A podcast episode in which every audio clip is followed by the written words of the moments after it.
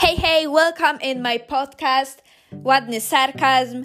Today I'm speaking English so I can improve my English and you also can improve hearing in other languages. So today our team team is nature and animals so that we can explore the environment and get down to earth.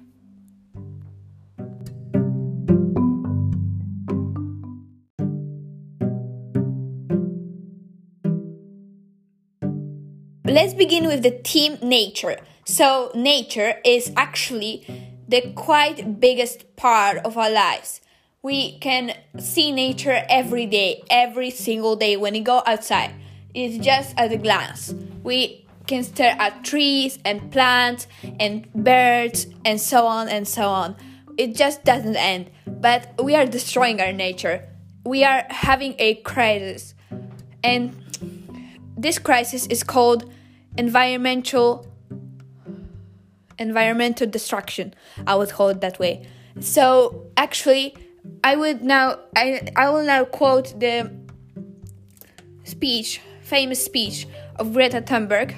It's called I don't know what's called, but let's just quote it. How dare you? So that was my quote. How dare you destroying our planet? How dare you destroying animals and plants?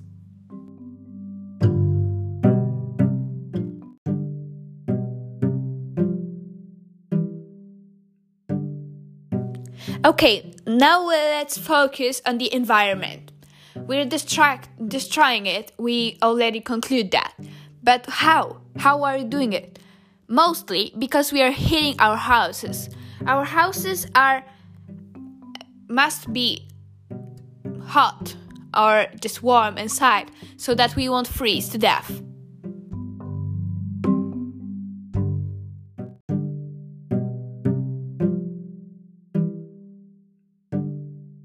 And now it's time for the last segment of our episode animals. So, what are animals? We are animals too.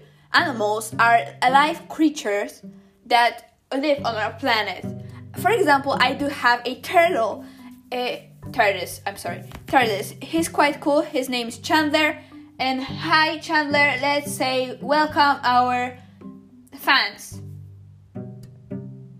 Yeah, that's what Chandler. Thanks, Chandler. Bye.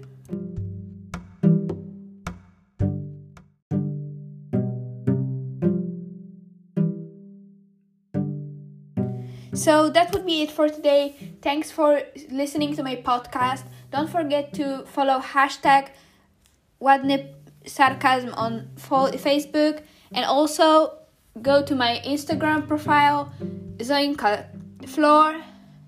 So yeah, that would be all for today. Słuchaneczko!